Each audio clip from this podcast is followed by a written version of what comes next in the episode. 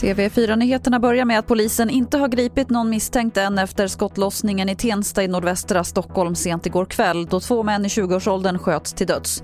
Polisen går nu bland annat igenom övervakningsfilmer för att se om det som hände finns på bild. Efter flera dagars tystnad höll USAs president Joe Biden ett tal igår kväll där han försvarade beslutet att dra tillbaka de amerikanska trupperna från Afghanistan.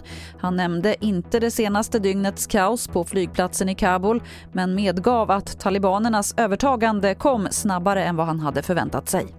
I always promised the American people that I would be straight with you. The truth is, this did unfold more quickly than we had anticipated. Till sist kan vi berätta att NASA stäms av Jeff Bezos och hans rymdföretag Blue Origin för att ha gett Elon Musk och hans SpaceX i uppdrag att bygga NASAs nästa månlandare.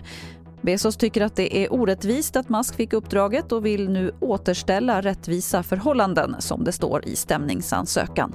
Det var det senaste från TV4 Nyheterna. Jag heter Lotta Wall.